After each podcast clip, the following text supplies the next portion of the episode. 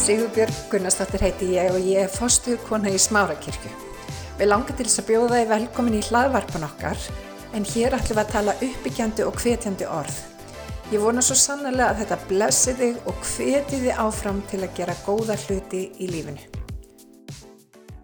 Eh, Ég er með orð í dag sem kannski ekki típist þetta orð hjá mér, þið vitið, ég er hérna svona að eðli mínu svona kvartningabreitikari.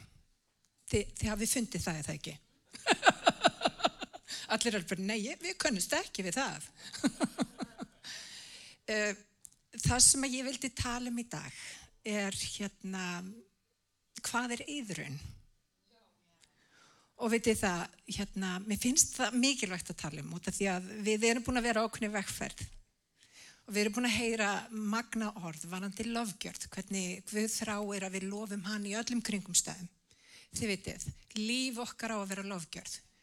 Átni síðan talaði um helgina sem sagt fyrir síðustu, fyrir tveim vekum síðan, um þennan fyrsta kærleika sem að drottin vil gefa okkur. Og til þess að öðlast þennan fyrsta kærleik að þá þarf yðrun. Það þarf yðrun. Og vinir, það er eitthvað vill að búin að slæðast inn í kirkjuna með það að þú gerir bara einu sinni yðrun. Það er ránt. Vinir, við vitum það að við göngum um með holdið okkar. Biblían kennir að hann á að vaksa, ég á að minka. Það þýðir það að það er ferli sem á sér stað. Guð þráur að komin í hjart okkar og ég líti á þetta þannig að þegar við tökum á móti frelsisverkinu og við erum hólpin fyrir blóðhans og það er algjörlega án allrar verðskuldunar. Hann gefur okkur það, það er gjöf frá Guði. En svo er það okkar að velja Guð á hverjum einasta degi og læra sigra holdið okkar og lifa ekki í holdinu heldur lifa í andanum. Og vinir, við verðum að vera meðvita um það að það er raunveruleg andleg barátta hér úti. Það er raunveruleg andleg barátta sem er að eiga sér stað um sála okkar. Og við verðum að vera meðvita um það hvað við gerum í slíku, þið veitir, átökum. Og eitt af því sem við megum ekki gleyma, það er yðrun. Við þurfum að gera yðrun. Og fyrir mér þá ger ég yðrun á hverjum einasta degi. Ég synga á hverjum einasta degi, bara segja okkur það. Ef ekki í verki, þá í orðum. Ef ekki í orði, þá í hugsun. Við erum öll breysk. Þannig að þegar við nálgumst Guð, þá verðum við að koma fram fyrir hann með yðrandi hjarta. Og vitið það, í veröldinni sem við lifum í ákvarðat núna, að þá er ákveðin svona narsasismi sem er upphafinn.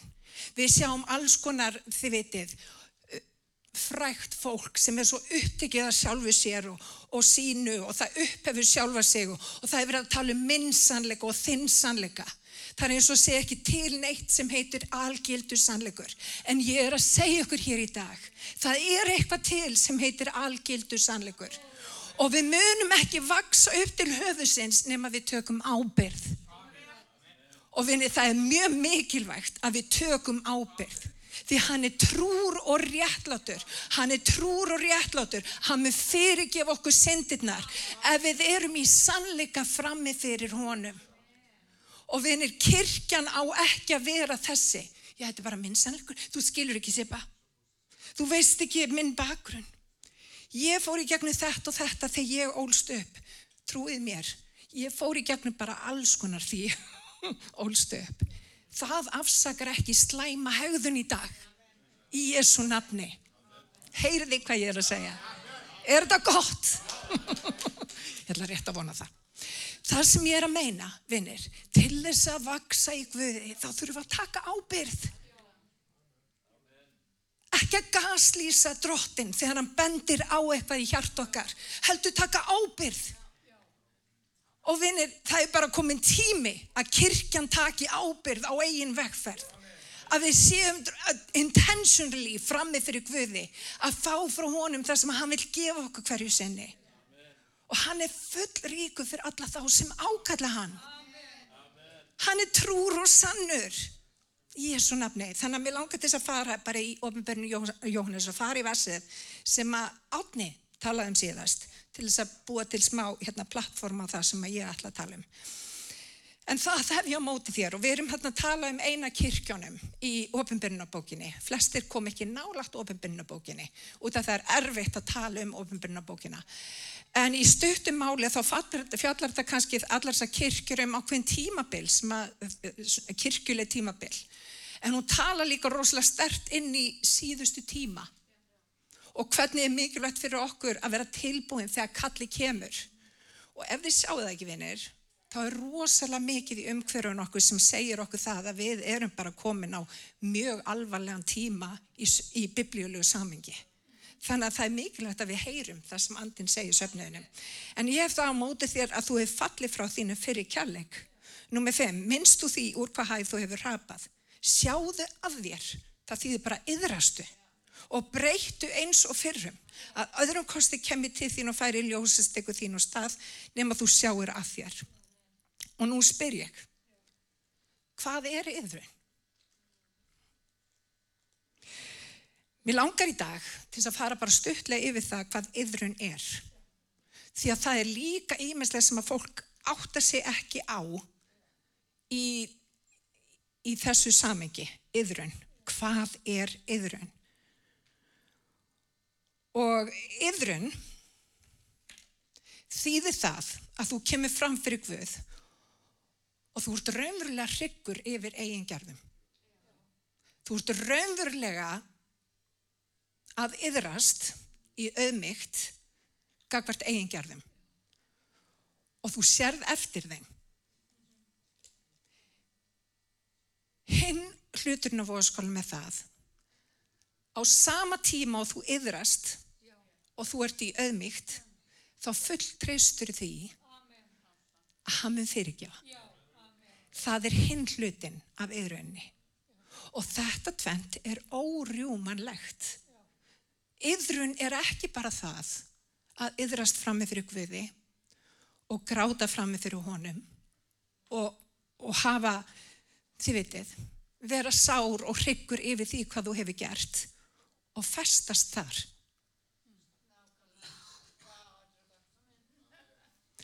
Þá ert að miskilja yðrunna. Þá ert að gera lítið úr frelsisverki drottins. Því að hann er búin að taka allar þína syndir á sig og hann fyrirgifir þér. Þannig að mér langar til að sína ykkur þetta í orðugvers. Amen og við erum að fyrirgefa öðru en það er annar breytukun. Í fyrra Jónasabrefi, í fyrsta kapla og áttunda versi, ef við förum hérna saman, ef við segjum við höfum ekki synd, þá blekkjum við sjálf okkur og sannleiku Guðs er ekki í okkur. Þannig að hver sem er sem segir það að þú þurfur bara yðrast einu sinni, hann er ekki að segja satt. Við þurfum að yðrast á hverjum einasta degi út af því að holdið er hlut af okkur. Munið hvað Pátt sagði, það góða sem ég vil gjöra, það gjör ég ekki. Það vonda sem ég vil ekki gjöra, það gjör ég.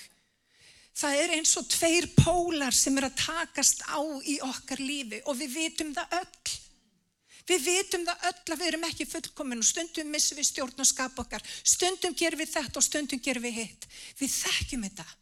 Því að það er þetta stríð á milli holds og anda. En hérna í nýjunda versi, ef við játum syndir okkar, þá er hann hvað? Hann er trúr og réttlátur, svo hann fyrirgifur okkur syndirnar. Lekiladrið þarna er að játa. Og þá er hann trúr og réttlátur. Og hann, hann reynsar okkur af allri synd. Öllu ránglæti kennir orðið. Ef við segjum að við höfum ekki syndgað, þá gerum við hann að legara. Þetta er alvarlegt mál. Við gerum hann að legara og orð hans er ekki í okkur. Þetta er ekkit grín. Hið góða sem ég vil ekki gjöra, það gjör ég. Hið vonda, dögt. Hið góða sem ég vil gjöra, gjör ég ekki. En hið vonda sem ég vil ekki gjöra, það gjör ég. Og vinir, við erum í svona tug of war Og við finnum stundum mjög fyrir því. Þess að skipti máli hvað þú hleypur að þér. Hvað kemur inn um augun þín? Hvað ert að horfa á? Veitu, ég get alveg sagt ykkur það. Ef ég horfa á eitthvað sem er svona pínu sketsi í sjónvarpinu, eitthvað svona, ég nefni enga sérstakar þætti en allir veit sennilega hvað ég er að tala um, þá líður mér illa. Og við, við þurfum að vera meðvitum það að helga aug okkar, helga heyrn okkar eins og til dæmis núna ég þurft að passa mig. Ég er nefnilega dætt í áhyggjupakkan ég verður að horfa rosalega mikið á fréttinnar og bara ó, það er, það, það er eldgós að fara eins og ég hafi eitthvað með það að gera. Og vinni ég þarf að passa og það hefur með það að gera. Ég helgi augum ég þarf að passa að vera ekki á rífrest takkanum í tölfunni að panika við hlutum sem ég hef enga stjórn á. Og vinnir þetta með Þetta með syndina er hluti af okkur öllum. Við syngum öll. Og ef við erum ekki tilbúin að koma fram fyrir Guð í, þið vitið, í sannleika, hvað segir orðið? Það er sannleikurinn sem gerur okkur frjáls. Það er svo mikið kraftur í sannleikunum að voisa hlutina, að taka ábyrð, að segja, herði fyrir ekki, ég hef bara hafið rangt fyrir mig, ég byrði um að fyrir ekki að mér. Við sjáum þetta líka, þetta er vandamál líka í íslensku stjórnkerfi. Það segir enginn af sér. Það vil enginn taka ábyrð en það er kraftur í auðmygt. Það er kraftur í að taka ábyrð. Það er kraftur í að gera það rétta. Og það er eitthvað sem að drottin þráir að kenna okkur. Halleluja. Má ég heyra amen? Þannig að við, við ætlum ekki að vera þetta fólk sem er bara svona, nei veistu það, þetta er ekki alveg svona. Ég gerði ekkert að mér. Þetta er í rauninni bara í rauninni mömmu mín að kenna. Hún er bara, þú veist, gaf mér ekki alltaf fisk í matin og, og þið vitið, þú veist. Og ég er ekki að gera lítið úr því þegar fólk á erfitt uppelda baki. En á einhverjum tímapunktum, á einhverjum tímapunkti, þá þurfum við að hætta að nota the blame game og taka ábyrð.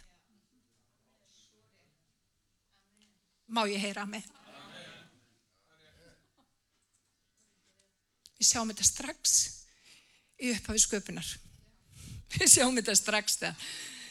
Þegar höggormunum kemur inn og hann segir, hann fer að hafa áhrif á efu um að taka eplið, eða þetta var í rauninni ekki eplið en það skiptir ekki máli. Og hún etur og hún kennir hverjum um. Já, svo þegar Adam borðaði, borðaði eplið, þá kent hann hverju hann kendi efum engin að taka ábyrði í þessum kringustæðum allir bara nefnist að þetta þetta er konin að kenna sem að þú gafst mér drottin þetta er rauninni þér að kenna. Takk ekki, já við erum að tala það. Meðan drottin er trúfastur hann er tilbúin að fyrirgefa okkur.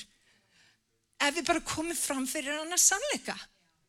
Og vinir, við meigum ekki missa af þessum sannleika Og vinni, kirkjan þarf að vera fremst í flokki að taka ábyrð. Má ég heyra? Amen. Þannig að mér langar til að fara í tvo aðla, reyndar þrjá, og sjá svona í orði Guðs með hvað hætti þeir gera yðrun. Og við sjáum þetta mjög, þetta er eiginlega bara hálf komist. Og mér langar til að byrja því að, að skoða Sál konung og hvernig hann höndlaði það þegar Guð stoppaði henn af og sagði þú ert rángur sál. Förum í fyrir Samúlsbók uh, 13. kapla í vers 9, byrjum þar og hlustið nú. Þá sagði Sál, komið með brennifórnun og heillafórnina, síðan færði hann brennifórn. Hann hafi fengið mjög skýr fyrirmæli um hvernig hann átti að aðtafast eftir þann atbyrð sem var, uh, þetta kemur í kjölfara þeim atbyrð við varum mjög nákvæmur um það hvað hann átti að gera og hvað hann átti ekki að gera. Og þetta er hann. Halleluja. Nú verst tíu. En einmitt þegar hann hefði lokið við að færa brennifórnina byrti Samuel Sál gekk þá á móti honum til þess að helsa honum. Þá spurði Samuel hvað hefur þú gert? Sál svaraði Því ég sá að fólki var tekið að tvistrast frá mér og þú komst ekki á tiltaknum tíma og fylgist þegar að hófa sapna sama við Migmas, þá hugsaði ég með mér Og vinir, þegar við förum einhvern veginn að uppbyggsa hlutina, þegar við erum búin að gefa skýr fyrirmæli, ekki góð hugmynd, bara ekki góð hugmynd. Nú halda fylgstegar gegn mér í Gilgal án þess að ég hafi geta milda drottin. Þess vegna vogaði ég mér að færa brenni fórnina sjálfur.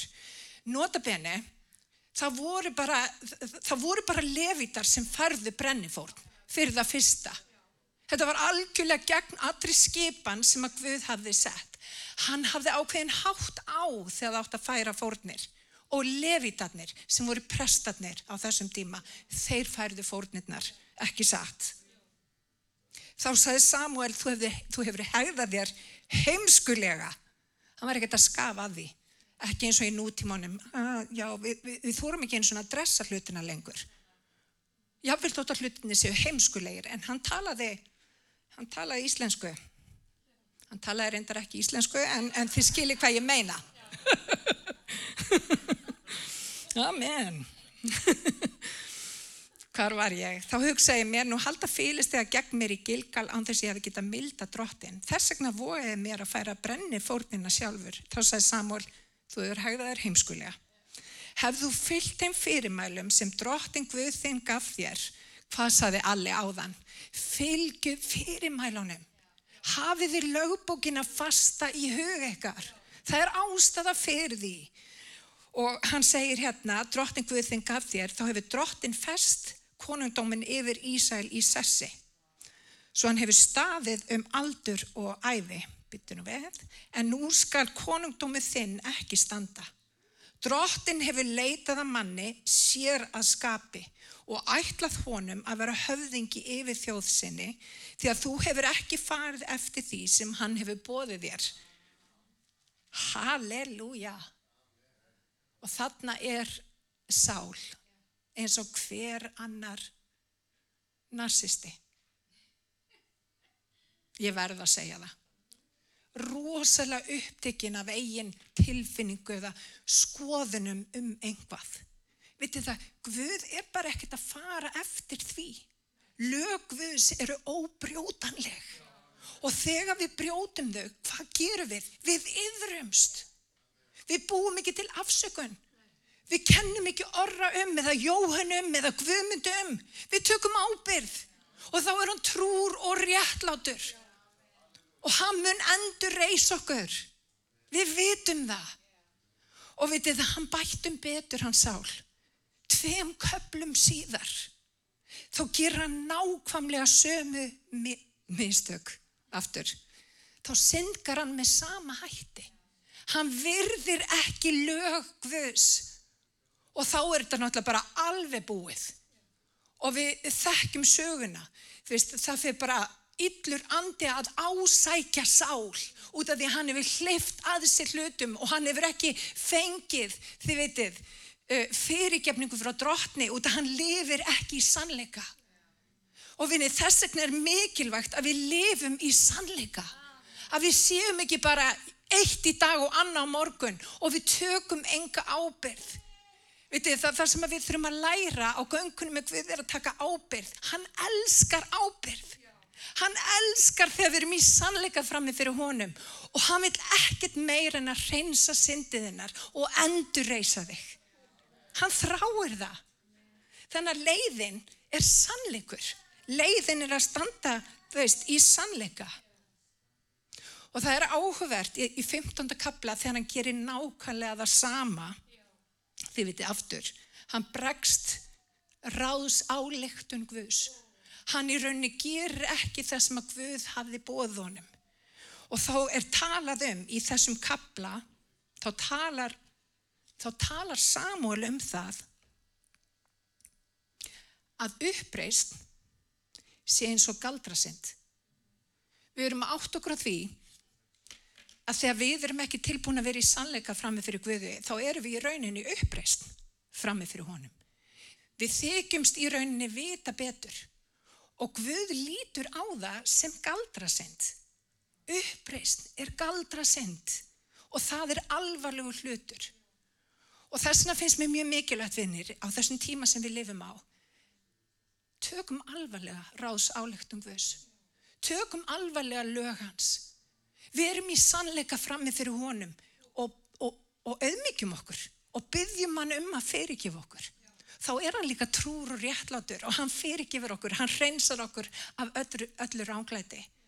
En þá getur við vaksið, þá getur við þroskast eðlilega á göngunum með Guði. Má ég heyra? Halleluja. Annar aðli sem ég langar til að nefna í þessu samingi er Júdas. Núna er bara, ef, ef að þú kallar eitthvað Júdas, þá veitum við alveg hvað það þýðir. Það er svikari. Það er aðli sem hefur svikið. Og við þekkjum sögunum Júdas. Hann sveik Jésu. 30 silfupeningar, hann fekk greitt fyrir að svika Jésu. Hann fekk peningana greita og, og, hérna, og sveikan. En það sem að margir ekki muna er að Jútas gerði yðrun. Ég sé að það er ekki allir sem að trúa mér. Ég ætla að sína ykkur það. Þannig að við ætlum að fara í Mattius 27. Mattius 27 í versi 3 þegar Júdas sem sveikan sá að hann var dæmtu segur yðræðist hann. Halló, hann yðræðist og skilaði aðstu prestunum á öldungunni silvupindinu 30 og mælti ég drýði synd. Ég sveik saklust blóð. Hann viður kenni synd sína. Hann er í hreinskilni. Hann er í auðmygt. Hann er með broti hjarta.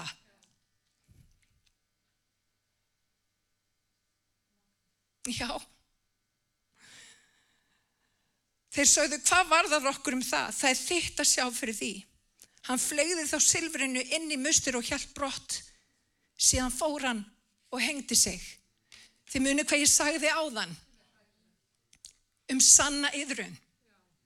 Það er að vera með broti hjarta fram fyrir Guði raunverulega yðrast fyrir það sem að þú hefur gert. Hinn hlutin er að taka við fyrirgefningunni og vinnir, hann var með helmingin réttan hann Júdas en margir festast í þessu og þú skilur ekki Sippa, þú veist ekki hvað ég hef gert þú verður að taka við fyrirgefningu frá drotni vinnir, það er bara helmingurinn á sögunni að vera brotinn frammi fyrir drotni þú þarfst að taka við fyrirgefningu. Og vinnir, fyrirgefningin er frjálslega gefið. Hann elskar fólk með broti hjarta. Hann elskar að endur reysa fólk sem hefur brotið af sér. Guð sem að við tilheyrum, hann er kærleikur. Hann er kærleikur. Og vinni það er svo sárt að horfa á Júdast í staðin fyrir að bara taka móti, þið vitið, fyrirgefningu frá drotni því hann sannarlega yðræðist. Þá festist á, á, á þessum vondastað þar sem að öll sund virtust lokuð. Og vinir, ef að þú ert hér og ert að burðast við fyrir dæmingu, þá vil ég minna þig á þessa frásögn. Drottin vil fyrirgefa þér. Og þegar við köstum synd okkar, miskjörðum, þá, til drottins að þá setur að miskjörðnar fyrir aftan bakið í svokalla gleimskunar haf. Og það er kallað gleimskunar haf fyrir tilgang. Það er bannað að veiða. Það er eitthvað sem maður þarf að vita. Það er bannað að veiða í gleimskunar hafi. Þegar þetta er komið til drottins þá er þetta búið. Og þá rýsum við upp og við höldum áfram göngunni með Guði. Við festumst ekki þarna og bara erum að berja okkur endalust í hausin. Við höldum áfram. Því að við erum öll þarna. Við höfum öll gert mistök og Guð þráir að endur eins okkur. Halleluja. Að lokum vil ég fara segja ykkur frá manni sem að kunni þetta algjörlega að auðmyggja sig og yðrast eins og Guð vil að við gerum. Og það er Davíð konungur. Halleluja. Davíð konungur, hvað á ég að byrja? Syndarlistin hans er afar, afar langur. Við erum að tala um, hann var hórmaður, þetta er biblíulegt orð, ég veit þetta hljómar enginlega hann var endalist sofandi hjá út um allt og hann drap mann og annan og þið veitir, hann var bara, hann var morðingi og, og ég veit ekki hvað og hvað en það sem að Davíð hafði það var mjúkt hjarta Alli talaði um það áðan. Það er svo mikilvægt, vinnir, að við höfum mjúkt hjarta, við heyrum röddu Guðs. Og það sem að Davíð hafði, það var þetta hjarta sanna yðrun. Hann var ekkert að búa til eitthvað eða fara í felur með. Hann bara kom fram fyrir Guðsinn og yðraðist af öllu hjarta með broti hjarta og tók ábyrð á því sem hann þurfti að taka ábyrð á.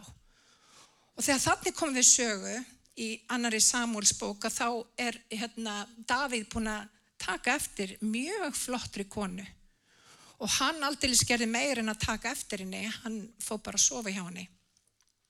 Og hérna, og maðurinn hennar, þetta er gift kona, Betsíba, gift kona, en maðurinn hennar var herrstjóri í, í, hérna, í hernum hjá Davíð. Þannig að það sem að Davíð gerir til þess að egnast konuna, hann setur hann í fremstu výlínu og gerir það að verkum að maðurinn er drepinn á vývellinum til þess að geta egna sér konans. Lesum aðeins hérna hvernig hann séðan, hvernig þetta kemst allt saman upp. Finnst ykkur þetta ekki spennandi? Það er alveg dögt hérna í dag núna. Er allir með? Er þið spennt fyrir þessu? Ég ætla rétt að vona það. Þannig í annari samúlisbók, 12. kapla, að þá stendur svo. Drottin sendi nú Natan til Davís. Þegar hann kom til hann sagði hann í borg einni byggu tveir menn. Annar var ríkur en hinn fátækur. Ríki maðurinn átti fjölda sögða og nauta en sá fátæki átti aðeins eitt lítið gimbralamp sem, sem hann hafði keift. Hann fóðraði það og það dapnaði hjá honum og með börnum hans. Það átt af brauði hans, drakk úr krús hans, svaf við brjóst hans og var eins og dóttir hans. Einhverju sinni kom gestur til ríkamannsins en hann týmdi ekki að taka neitt af sögðum sínum eða nautum til að matriða handa ferðamanninu sem komið var til hans. Hann tók því lamp fátækamannsins og matbjóð það handa komimanni. Í versi 5 þá reytist Davíð þessum manni ákaflega og sagði við Natan svo sannarlega sem drottin lifir er sá sem þetta gerði dauðasegur. Davíð sjálfur. Hann skal bæta lampið með fjóru lampum að því hann síndi slikt miskunarleysi. Þá sagði Davíð, þá sagði Natan við Davíð, þú ert maðurinn. Og svo heldur Nathan smá tölu um það hvað þetta mun kosta Davíð. Hún er svolítið laung þannig ég ákvað bara að stitta þetta. En veitir hvað Davíð svaraði? Í versi 13 kemur það fram. Davíð sagði við Nathan, ég hef syndgað gegn drotni. Puntur. Sjáu þið munin á viðbröðun Sáls og Davís? Sjáu þið munin á því hvernig við eigum að nálgast aðstæðu þar sem að við erum brotleg? Vinni þetta, hjáttning að taka ábyrð, leysir fram blessun Guðs. Þetta er nefnilega líkil atriði út af því hann veit að við föllum margvíslega. Hann veit að við gerum mistök. Hann veit að við erum brotleg. En ef við erum ekki tilbúin að horfast í augu við það, þá verður enginn fram þróun í okkar lífi. Hann byggir nefnilega ríki sitt á sannleika. Hann byggir ríki sitt á sannleika. Hann byggir ekki ríki sitt á einhverju líi eða, eða einhverju gaslýsingu okkar. Það er hans sannleikur. Og vinir, við þurfum að beigja okkur undir hans sannleik sem er algildur sannleikur. Þannig að þegar við brjótum af okkur að þá yðrumst við. Við komum fram fyrir hann og við bara yðrumst og við segjum drottin, ég byrði um að reynsa hjarta mitt. Ég byrði drottin um að helga mig. Hjálpaði mér að taka réttar ákvarðanir. Ég byrði fyrirgefningar. Ég byrði drottin um að reysa mig við. En drottin, ég veit líka að þú ert fullfær um að reysa mig við. Drottin, ég veit að þú ert fyrirgefandi og kærleiksríkur. Svona eigum við að nálgast drottin í öllu vinnir. Og þegar við nálgumst hann svona í öllu þá er hann trúr og réttlátur. Og það sem við heyrum með Davíð þrátt fyrir öllans mistök, þrátt fyrir að hann hafði mjög augljóst, þið veitir, hold sem hann var að díla við. Þá var hann kallað maður eftir Guðs hjarta út af því hvernig hann tæklaði þessar kringumstæður. Hann með lofgjörð í hjarta, hann með bæn á vörum, hann með yðrun í hjarta og Guð elskaði hjartalægið hans. Og það sama gildur um okkur. Þegar við erum tilbúin að auðmíka okkur frammi fyrir Guði þá er hann svo trúr og réttlátur. Hann hjálpar okkur að vaksa. Hann hjálpar okkur að styrkjast. Hann hjálpar okkur að sigra kringum stöðnar hann hjálpar okkur að rata beinar brautir Og hann gefur okkur líka náð að þegar við göngum yfir erfiðan sjó, þá hjálpar hann okkur yfir. Hann byggir brú, hann gerir hluti sem að engin annar getur gert. En það er undanfarið því verður að vera yðrun. Það er lofgjörð og yðrun, vinnir. Og þegar við erum í lofgjörð og yðrun, þá er ekkert sem að getur komið gegn okkur, þannig að það valdi yfir okkur. Og við sem kirkja þurfum að vera þar. Ekki líta á það sem einhvern veikleika að vera í yðrun. Það er styrkleiki. Það er kraftur í yðrun. Og ég elska hérna með hérna, tólsporakerfið, AA tólsporakerfið, byggt á biblíulegum prinsipum að, að sjálfsögði. En það tekur fólk ábyrð. Það viðu kenni mistök sín. Það segir bara, herðu, og það fyrir jafnvel til fólks og byðu fyrirgefningar. Ég byrst fyrirgefningar að ég hef komið svona fram fyrir þig. Af hverju virkar þetta? Because this is powerful. Þetta virkar. Þegar við gerum yðurinn og við gerum reikniskil fyrir gjörður okkar, þá er hann trúfastur. Þetta er bara lögumál. Og mér langar til þess að lesa fyrir ykkur hérna eitt sálm. Davíðsálm að sjálfsögðu. Og þetta er sálmurinn og þarna getur við svolítið skengst inn í hvernig Davíð leið í þessum kringustæðum.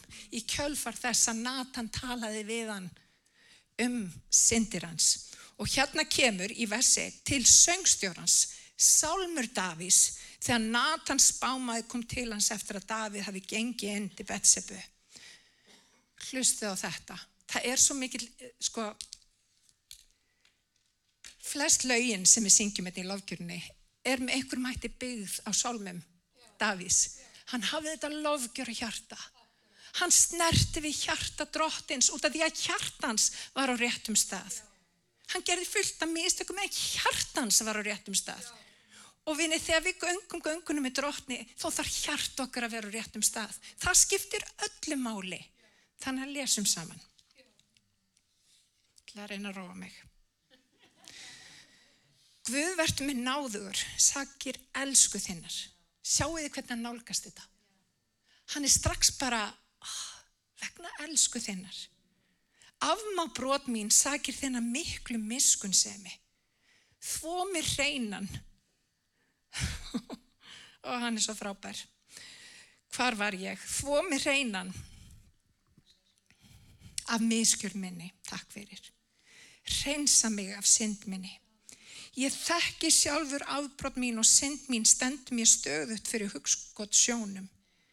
Gegn þér einum hef ég syndgað og gert það sem illt er í augum þínum. Þú ert réttlátur og þú talar. Hreitn er þú dæmir. Sjá segur er ég fættur. Syndugur er móðu mín á úlmig. Þú hefur þóknun á hreinskilni. Vá, þú hefur þóknun á hreinskilni. Hið innra og í fylsnum hjartans kennir þú mér visku. Hann hefur þóknun á hreinskilni. Hann á rosalega erfitt með gaslýsingu. Hann hefur þóknun á sannleika. Hann hefur þóknun á hreinskilni. Hann veit að þú ert breyskur. Hann hefur þóknun á hreinskilni. Hvar var ég? Nýjunda vest, takk fyrir Jóhanna. Þú fylgist með þessu og það stendur svo hreinsami með ísop af syndminni. Ísopurinn er sér aftur þegar Jésu fór upp á krossin. Það er mjög mikil spátumur í, í hérna sálmónum um Jésu. Þvó mig svo ég verið kvítar en mjöll. vers 10, lát mig heyra fögnu og gleði. Lát kætast beinin sem að þú hefur sundur marið. Snú auglitið þínu frá syndum mínum og afmá allar miskjöru mínar. Svo segir hann, skapi mér hreint hjarta og hvöð og veit mér á ný stöðu hann anda. Varpa mér eigi burt frá auglitið þínu og tak ekki þinn heila anda frá mér. Veit mér aftur fögnu þín sjálfbræðis og stið mig með fúsleiks anda. Þá mun ég vísa brotlegum vegu þína svo syndrar hverfi aftur til þín. Likiladrið. Frelsa mig frá blóðskuld drottin Guðs hjálpræðs míns og tunga mín fagni yfir réttlæti þínu. Drottin opna vari mínar að munnu minn kungir í lof þitt. Hann er með lofgjörð, hann er með yðrun, hann er með lofgjörð.